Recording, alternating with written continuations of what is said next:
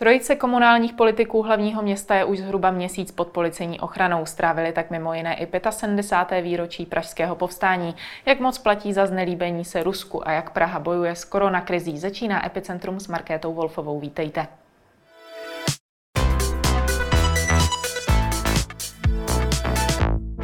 Ve studiu vítám pražského primátora z České pirátské strany Zdeňka Hřiba. Dobrý den. Dobrý den a děkuji za pozvání.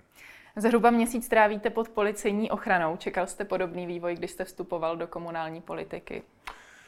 Tak eh, je pravda, že tohle je situace taková trochu nezvyklá, ale eh, já jsem samozřejmě jako předpokládal, že to bude třeba větší mm, zájem médií nebo že eh, nějakým způsobem budu pod drobnohledem, ale je pravda, že takhle až moc úplně ne s těmi konkrétními kroky, které ať už se týkaly přejmenování náměstí před ruskou ambasádou nebo co se týkalo pomníku maršála Koněva. Jste počítal s podobnými komplikacemi? Asi je nutné si zdůraznit, že co se týče sochy maršala Koněva, tak s tím nemá magistrát ve skutečnosti nic společného. To je záležitost místní na městské části Praha 6 Eh, které ten pomník patří a samozřejmě já respektuji skutečnost, že zvolení zastupitelé, kteří byli zvoleni v demokratických volbách za tamní občany, tam tu sochu prostě nechtějí, protože přece jenom je pravda, že maršál Koněv je velice kontroverzní postava. On nechal například bombardovat mladou Boleslav den po konci války, kde díky tomu umřelo 150 našich občanů, včetně dětí, a udělal to jenom proto, aby mu Němci neutekli do amerického zajetí. Takže já naprosto respektuju toto rozhodnutí Prahy 6 eh, a toho vlastně, co si chtějí udělat se svým majetkem. A co se týče té, eh, toho přejmenování náměstí Borise Němcova, tak eh, já musím říct, že mě ta reakce ruské ambasády velice překvapila, protože oni vlastně utekli teď se sídlem ambasády na svoji vrátnici, vlastně z té reprezentativní vily do toho strážního domečku, tak, eh, který má nějakou jinou adresu, ale je eh, to opravdu překvapuje, protože přece jenom i pan prezident Vladimír Putin prohlásil, že vlastně ty, eh, ty organizátory té podlé a cynické vraždy Borise Němcova je nutné najít a potrestat. Takže vůbec teď nechápu, proč vlastně utíkají z toho náměstí, které nyní nese jméno po jejich bývalém vicepremiérovi.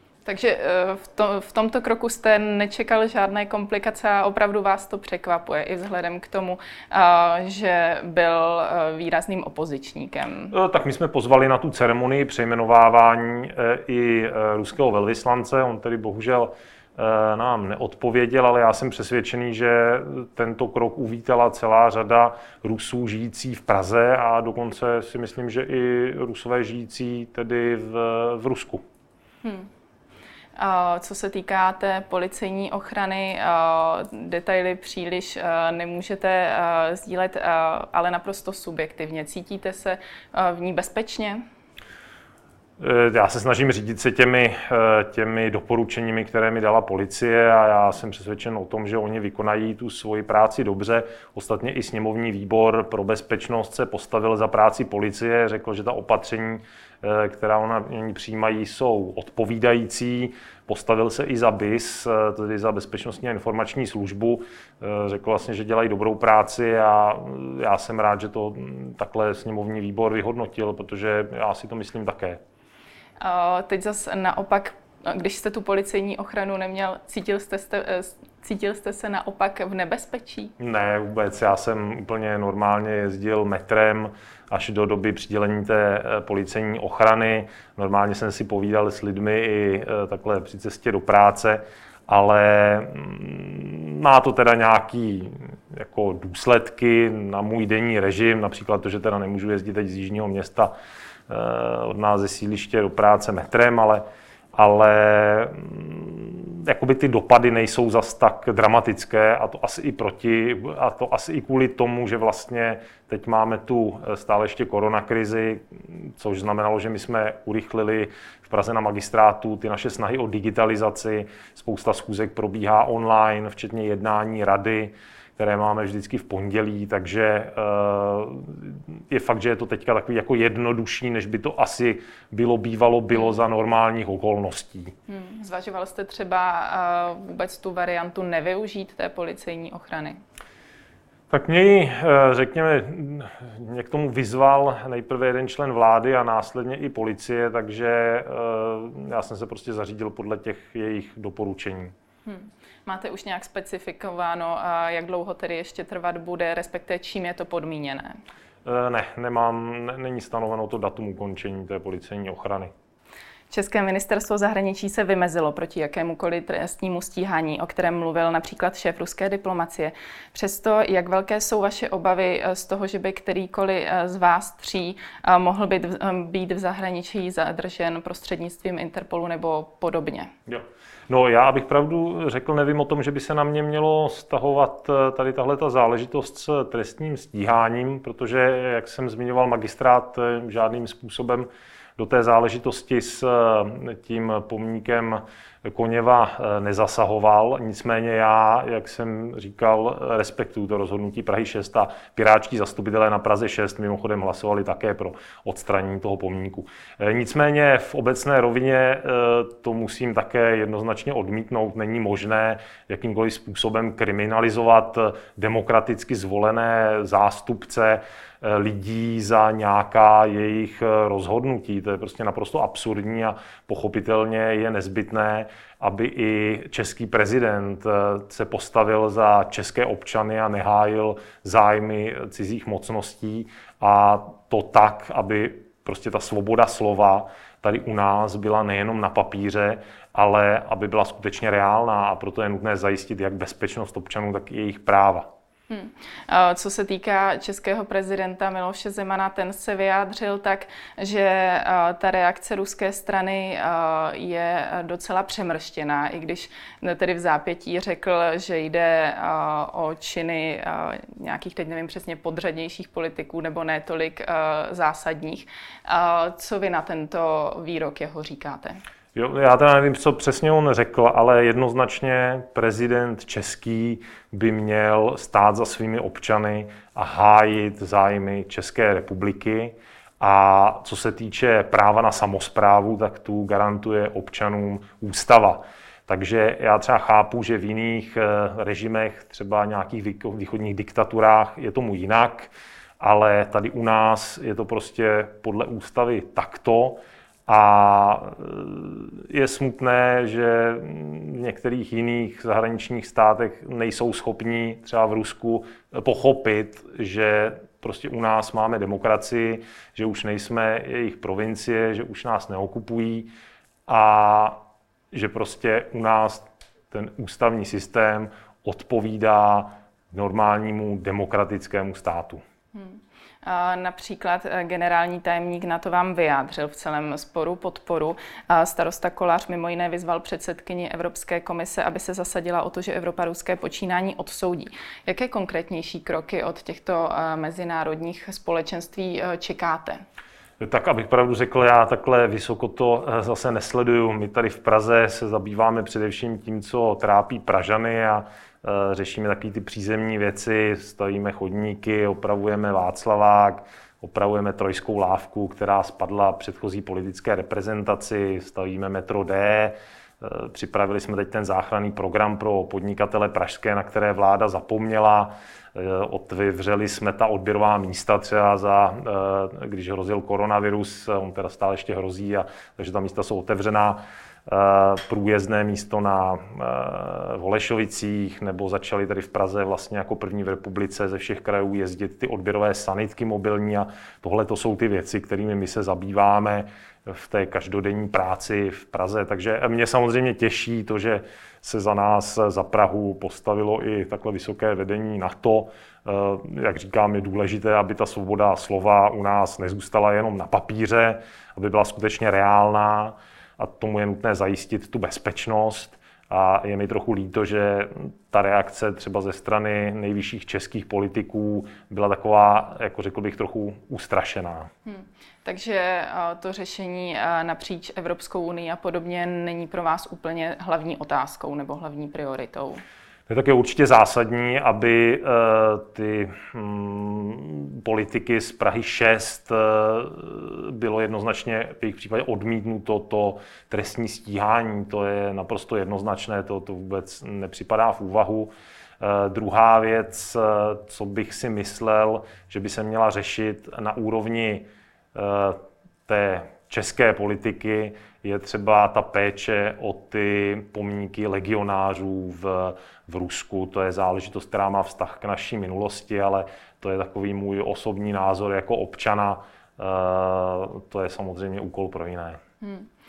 K vašim krokům i vašich kolegů, kolegů se vyjadřoval předseda KSČM Vojtěch Filip, který vás osočil z přepisování dějin, ale také z propagace fašismu. Podle opoziční TOP 09 by neměl vzhledem k těmto výrokům být ve vedení sněmovny. Jaký je váš názor tady na tyhle kroky TOP 09? Tak v minulé, minulých letech eh, tady probíhala výuka dějepisu podle komunistických učebnic. V nich byla potlačovaná ta role eh, českých národních hrdinů, ať už to byli eh, třeba povstalci v květnovém povstání, velitel generál Karel Kutlvašer byl vlastně po, mm, po, tom, přeprav, po tom převratu potom následně odsouzen k letům těžkého žaláře a kde vlastně podlomili jeho zdraví a díky tomu on brzo po propuštění zemřel a komunisté mu vyměřili ten důchod asi 200 korun, což eh, si myslím, že u člověka, který vlastně se zasadil o to, aby byl eh, rychle zlomen ten nacistický odpor a eh, Praha jako město nedošla k úhoně v těch posledních dnech války, si myslím, že to je skutečně nehoráznost. A stejně tak i role celé řady dalších eh, našich hrdinů byla potlačována, ať už to jsou letci v Anglii, nebo třeba vojáci z bitvy u Tobruku a další a další a, a celou řadu z nich vlastně ten komunistický režim nějakým způsobem nechal popravit nebo je utíral v těch žalářích a e, pro mě je vůbec šokující, že se k tomu e, pan Filip, e, známý také jako agent Falmer, vyjadřuje. A z mého pohledu by tenhle člověk rozhodně neměl být ve vedení e, sněmovny jako místo předseda. My považujeme tu KSČM za stranu extremistickou, stejně jako SPD, proto také s nimi nevytváříme žádné koalice. A e, skutečně si myslím, že ta společnost je už dneska podstatně dál. Co se týká působení ve sněmovně, je tahle situace pro vás spíš odrazující nebo ji naopak vnímáte jako pádný důvod, proč jste mimo jiné v politice a třeba byste se do budoucna posunul až do sněmovny? Z mého pohledu je teď spousta práce v Praze. Já myslím, že po těch letech stagnace Praha skutečně potřebuje koalici, která ji nějakým způsobem posune dopředu.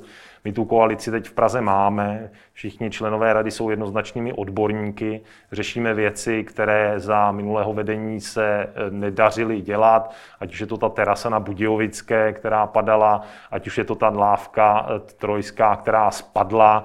Minulá koalice nebyla schopná ani pořádně odškodnit ty, ty poškozené, i to se nám podařilo. Eh, nebo třeba to metro D, kde neustále eh, se tvrdilo, že se tam nedají vykoupit pozemky, nedá se dohodnout s těmi vlastníky, tak my jsme se dohodli a to metro, eh, to, to metro vlastně už se staví, protože byla zahájena ta nultá fáze, ten geologický průzkum a, a co nevidět, by měla být teda podepsána i smlouva na zhotovitele. Takže z mého pohledu tohle město nezbytně nutně potřebuje určitou stabilitu, a e, nějakou kontinuitu těch velkých investičních projektů, které nám se daří posouvat ku předu a, a proto si myslím, že moje místo je jednoznačně tady v Praze a já se nechystám kandidovat v těch e, nadcházejících volbách do sněmovny, které budou tuším v roce 2021. Hmm. Posuňme se k nejvýraznějšímu tématu posledních týdnů boj s koronavirem. Opatření, opatření proti šíření se pomalu rozvolňují. Jak velký nádech to momentálně pro Prahu je? Opatření eh, proti koronaviru eh, samozřejmě tvrdě dopadají na tu ekonomiku, zejména pražskou, to je dáno tou strukturou podnikání, která tady je. My se snažíme podnikatelům pomáhat, eh, i když samozřejmě ten nemůžeme suplovat tu roli vlády, která musí zajistit ty kompenzace. Eh, aby prostě neklekla česká ekonomika. My jsme dali dohromady program COVID Praha pro, české, pardon, pro pražské podnikatele, kteří teda neměli možnost se přihlásit do toho programu COVID 2 A i když jsme splnili všechny podmínky a všechny lhůty ministerstva průmyslu a obchodu, tak bohužel oni nám nepřidali další peníze do toho programu, takže nakonec to bylo jenom o těch našich 600 milionech, které jsme do toho dali, jako všechny peníze, které jsme měli z Evropy na inovace. Všechno jsme do toho dali, díky tomu eh, vznikla teda možnost zaručit se za úvěry eh, ve výši 1,6 miliardy korun. Eh, já tady mám teďka nějaká předběžná čísla, jak se to daří schvalovat. Jedná se o zhruba 75 žádostí, které už byly schváleny v celkovém objemu 628 milionů korun. To jsou tedy údaje ke včerejšku. My budeme nějak asi v průběhu čtvrtka eh, poskytovat nějaké podrobnější údaje. Kromě toho pražské podnikatele podporujeme i na úrovni třeba odkladů splatnosti nájmů, v městských objektech, nebo například jsme jim umožnili prodávat své produkty a služby na ulici, že mohou tedy si udělat zábor před svým obchodem, eh, když tam nechají prostě průchod po chodníku a celou řadu dalších opatření, které chystá naše ekonomická skupina. Ale jak říkám, Žádné město v České republice nekompenzuje ta opatření samo bez vlády. My jsme byli jediní, kdo dal vlastně dohromady vlastní městský program, do kterého jsme vložili 600 milionů korun. To bylo skutečně všechno, co jsme měli a mohli na to uvolnit. Ale teď je skutečně řada na vládě, aby nějakým způsobem dala dohromady tu podporu pro podnikatele. A ten program COVID 3 má bohužel už teď velké spoždění a e, to prostě neodpovídá tomu, co nám bylo slibováno, kdy se říkalo prostě těch dalších 400 milionů vám do toho nedáme, do toho vašeho programu COVID Praha, protože my si to necháme do toho COVID 3, který bude už za chvíli. Jenomže už za chvíli už dávno minulo a, a teď prostě čekáme. Těch 600 milionů, to je jak velká část kompenzace, která by byla potřeba? tak my víme, že ten program by bylo ideální, kdyby byl třikrát větší. Eh, to byla věc, kterou jsme věděli od počátku. My jsme věděli, že to bude nějaké přechodné řešení, že to nevyřeší všechny problémy, ale spolehali jsme na to, že Ministerstvo průmyslu a obchodu splní to, co slibovalo. To znamená, že co nevidět, zahájí se ten program COVID 3. Bohužel zatím tomu tak není ale eh, já teda pevně doufám, že eh, se to skutečně podaří co nejdřív spustit, protože praští podnikatelé skutečně tady bojují o přežití, ale my jsme do toho dali všechno, co jsme mohli, do toho programu COVID Praha. Hmm. Co se mimo jiné začátkem týdne také vrátilo, to jsou placené, zóny placeného parkování. Jak, jakou část ztráty tvoří právě ten příjem z tohoto parkování? Činí to zhruba nějakých 50 milionů korun měsíčně, o které Praha přijde při každém měsíci, kdy nefungují zóny placeného stání. Nicméně i přesto my jsme chtěli, aby to znovu aktivování těch modrých zón bylo nějak naplánované, tak aby se lidé mohli připravit dostatečně dopředu. A protože původně tam byl ten datum, že to skončí s nouzovým stavem na konci dubna, ten den se neustále měnil v jeden den skoro třikrát, tak jsme chtěli být nezávislí na tom datum ukončení nouzového stavu. A doufali jsme, že vláda to nějak jako posune do budoucna a stanoví jasný datum. Pro nás tedy bylo ideální toho 11. května, který byl domluvený i s městskými částmi, které vydávají ty, ty karty parkovací ale bohužel vláda se rozhodla jít úplně přesně opačným způsobem, to znamená vlastně tuším 28. dubna oznámili, že se to bude rušit a oznámili to vlastně den před, eh, pardon, pár hodin před tím, než to vešlo v platnost. To znamená, vyvolali v tom naprostý chaos eh, a proto jsem se rozhodl, že prostě tu platnost to obnovení té platnosti odložíme až na 11. 11. května, tak aby se lidi zvládli připravit, tak jak to bylo domluvené, aby prostě ti, kteří se třeba mezi tím přestěhovali, tak aby si mohli uh, zajít pro změnu té karty. Uh, městské části některé otevíraly ty výdejny těch parkovacích oprávnění až 4. takže aby se i ty městské části zvládly připravit a nebyl to takový chaos. To znamená, z mého pohledu, tohle bylo opatření, které bylo určitě nezbytné. Takže ten 11. květen zkrátka proto, aby byl čas přese na to připravit ze všech stran. Já jsem nezaznamenal, že by teď vypukl nějaký chaos, že by někdo říkal, že ježiš, já jsem o tom vůbec nevěděl, že to začne platit, já jsem se nestihl připravit, nestihl jsem to nebo ono. Nic takového se nestalo A, takže jsem přesvědčen, že jsme to naplánovali skutečně správně. Hmm. Problém, který se řeší dlouhodobě a korona krize s ním výrazně zamávala, to jsou byty e, ke krátkodobým pronájmům v rámci sdílené ekonomiky. Bydlení nabízené jindy za vysoké sumy v e, luxusních lokalitách e, se nyní nabízí za poměrně nízké peníze. Co se ale stane, až korona krize skončí, respektive až zase budou zpátky cizinci a opět bude možné to pronajímat právě těm turistům?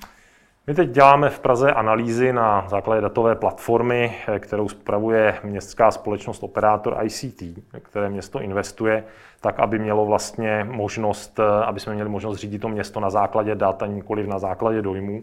Takže teď víme, že skutečně ten medián cen bytů v polovině dubna se proti konci února třeba na Praze 1 skutečně snížil o zhruba 20 Eh, ty ceny pronájmu klesly z nějakých průměrných 388 korun za metr čtverečník na 309.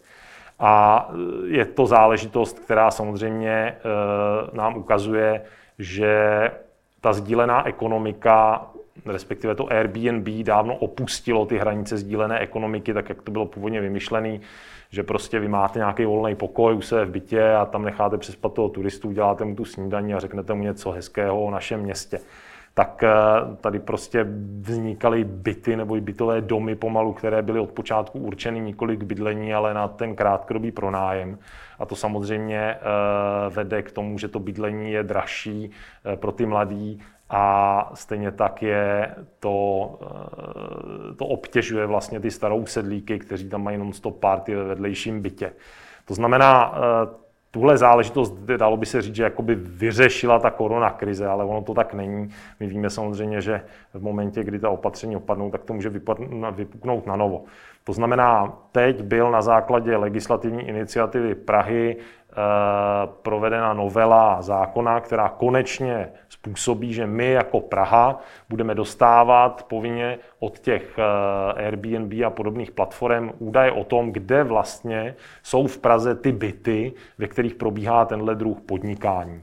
A my to využijeme k tomu, abychom eh, prováděli ty kontroly, které tam vlastně už teď bychom měli dělat, ale nemohli jsme, protože jsme nevěděli, kde ty byty vlastně přesně jsou. Protože kdybyste měla dodržet skutečně všechny ty požadavky, které jsou ze zákona na tenhle druh podnikání, tak ono to není tak jednoduché, je to docela nákladné a možná ti lidé časem zjistí, že ve skutečnosti je pro ně ekonomicky výhodnější to pronajímat na dlouhodobé pronájmy. A e, potom máme další legislativní iniciativu, která se týká toho, aby město třeba získalo nějaké oprávnění, aby nemohli regulovat tenhle druh podnikání ve městě, nebo aby měli ty SVJčka, to znamená společenství vlastníků jednotek v tom domě, aby měli větší pravomoci, protože tam dochází k užívání společných prostor. Ti turisté tam courají po chodbě, která se tím stává prostě součástí de facto ulice, namísto toho, aby to byla chodba uvnitř bytového domu. A stejně tak i, aby bylo možné eh, vyžadovat v případě, že vlastně takhle funguje eh, celý barák jako de facto eh, nekalá konkurence hotelům, tak, aby bylo nutné rekolaudovat ten, ten dům podle stávající legislativy stavební.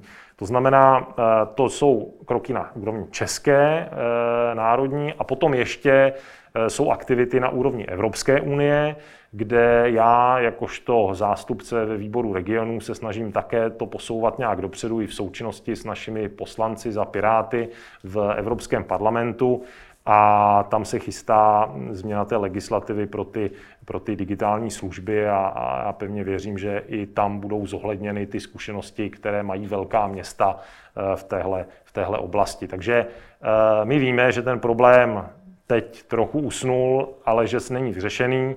Pracujeme na tom řešení skutečně systémovém. Nějaký nástroj jsme do ruky dostali, víme, že není úplně ideální, zkusíme ho využít, jak jen bude možné a tak, aby jsme byli připraveni na to, až to zase vypukne. Hmm. Vy jste už na začátku roku říkal, že by šlo Airbnb redukovat tím stylem, že by se dal pronajmout pouze pokoj. Nakolik se v rámci koronakrize tento plán posouvá? Z mého pohledu to zůstává stále stejné. Je to nějaký optimum z mého hlediska.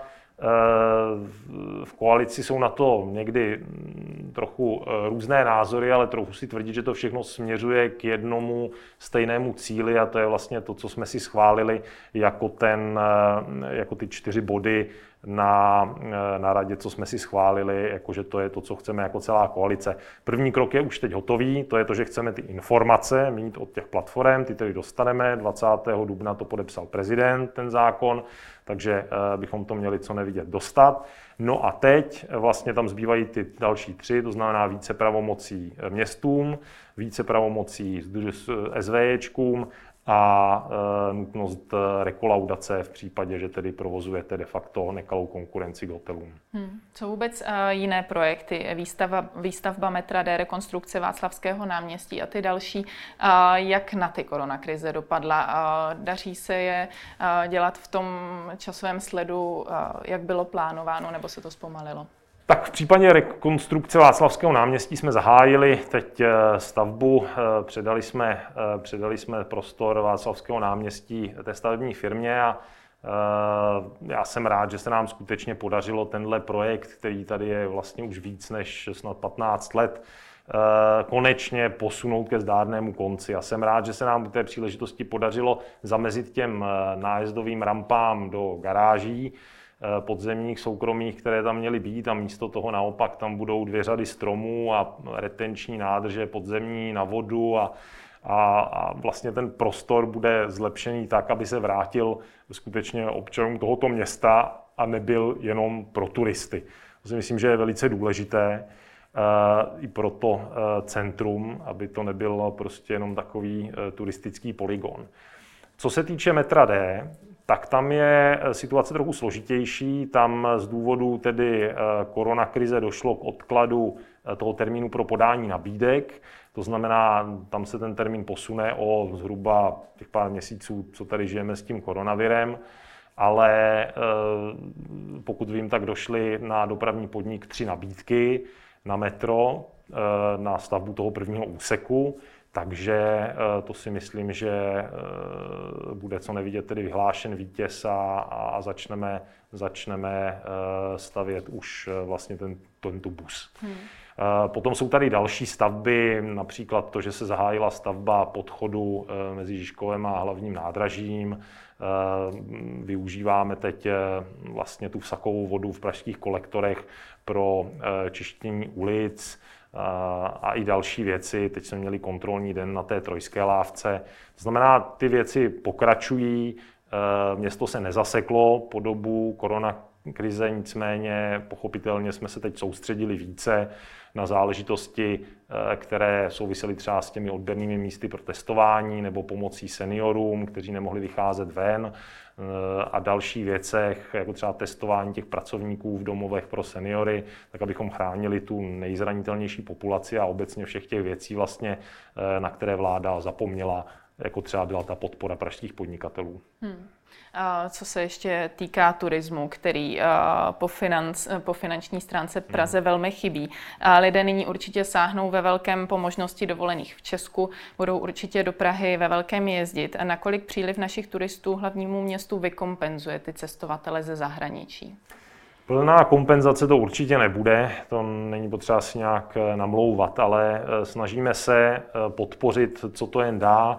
Máme teď program plánovaný za 100 milionů korun, kdy tedy za každou noc, kterou stráví turista v Praze, tak dostane poukázku na 400 korun, což budou slevy například v městské galerii, planetáriu nebo zoo.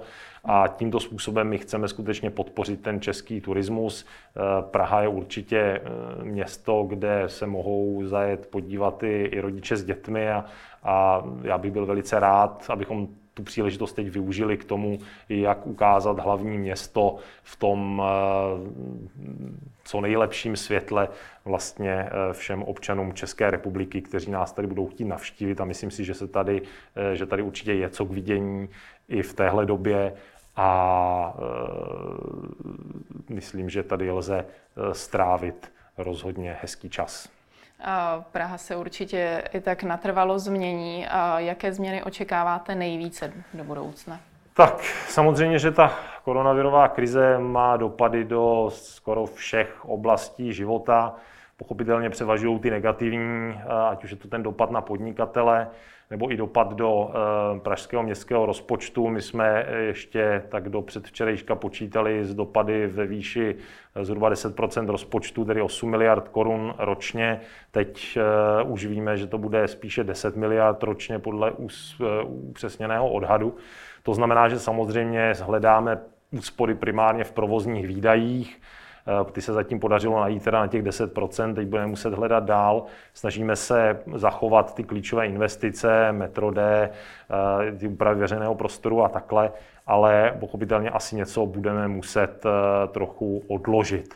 Nicméně, kdybych měl najít aspoň nějaké pozitivum na té situaci, kromě tedy toho, že teď usnul ten problém s tím Airbnb, ale to je skutečně jenom dočasný, tak eh, si myslím, že eh, my jsme využili plně tu příležitost k digitalizaci města, kdy se vlastně ukázalo, že celá řada úředníků i na magistrátu může fungovat ve skutečnosti jako eh, v režimu home office, že asi třetina úředníků byla v té nejvyšší, kdy byly ty největší problémy, pracovala z domu. My jsme urychlili všechny ty snahy o digitalizaci magistrátu, jak jsem zmiňoval, i jednání rady teď vlastně probíhají online. To znamená, eh, že jsme schopni tu radu svolat velice i obratem, když by bylo potřeba něco, něco rozhodnout rychle. To znamená, já pevně věřím, že tohleto se nám podaří udržet do budoucna a že to vlastně povede i k změně toho paradigmatu, v jakém my teďka fungujeme, protože to je založeno na tom, že normálně ta práce probíhá s papírama, fyzicky v kanceláři a když chcete dělat z domova, vzdáleně elektronicky, tak musíte mít nějaké povolení na to. A já pevně doufám, že se to do budoucna otočí do toho, že vlastně norma bude dělat elektronicky, vzdáleně z domova. A když budete chtít mít kanceláři místo a tam tiskárnu na papíry, tak to bude vlastně na samostatné jako povolení, že vám bude umožněno skutečně pracovat fyzicky a tím se ušetří spousta kancelářských prostorů v centru města a, a díky tomu třeba se tam vrátí i ten normální život. Hmm. Jak vůbec hodnotíte fungování koalice? Korona krize určitě pro ní musela být taky velkou zkouškou. Jak byste to zhodnotil? V, z obou stran vlastně se účastnili všichni radní, kteří k tomu měli co říct na řešení těch problémů, ať už to byla paní radní Jonová, která má na starosti zdravotnictví a sociální věci z Prahy sobě, nebo pan náměstek Hlubuček, který má na starosti bezpečnost z, ze spojených sil. Ta spolupráce byla velmi dělná. Eh, my jsme vlastně i předtím, než se začal scházet krizový štáb, tak jsme se scházeli i jako neformálně, ale eh, ty problémy si myslím, že se podařilo všechny vyřešit a díky tomu jsme ve spoustě věcí byli vlastně první v republice a tlačili jsme tím naším rozhodným jednáním vládu k přijímání některých kroků, do kterých se jim třeba moc nechtělo. Teď mám na mysli třeba ty roušky. Vlastně já jsem to už 16. zavedl eh, v MHD, ve metru, v tramvajích a tak dále eh, jako povinné. Potom další den jsem to zavedl ve všech vnitřních prostorách v Praze. Potom následně, teprve den poté, přišla vláda s tím, že to zavedla úplně v plošně i ve venkovních prostorách. Teď z toho vlastně vláda začíná už couvat, říká, že to v těch venkovních prostorách bude jenom doporučený, takže to spadne znovu tam, jak jsme to zavedli my. A právě tím, jak jsme dělali ta opatření, tak jsme tlačili vládu k tomu, aby ta opatření dělala také a e, díky tomu, e, díky tomu se podařilo tu krizi vlastně dobře zvládnout. A potom jsme tedy e, vlastně řešili ty mezery, na které vláda zapomněla. Takže když nám tady státní nemocnice zavřely ty odběrová místa, tak jsme obratem otevřeli ty vlastní v Holešovicích, anebo jezdili tedy ty mobilní sanitky ve spolupráci s Pražskou záchrankou a městskou policií, které tedy, kde tedy medici z pražských lékařských fakult odebírali lidi přímo doma, aby nemuseli nikam chodit a potenciálně nerozšiřovali tu infekci a tohle jsme spustili vlastně jako první v republice. Tolik Zdeněk Hřib, díky za váš čas. Děkuji také a nashledanou. A to už je pro dnešek z Epicentra vše. Nezapomeňte nás sledovat zase zítra od 15 hodin na viděnou.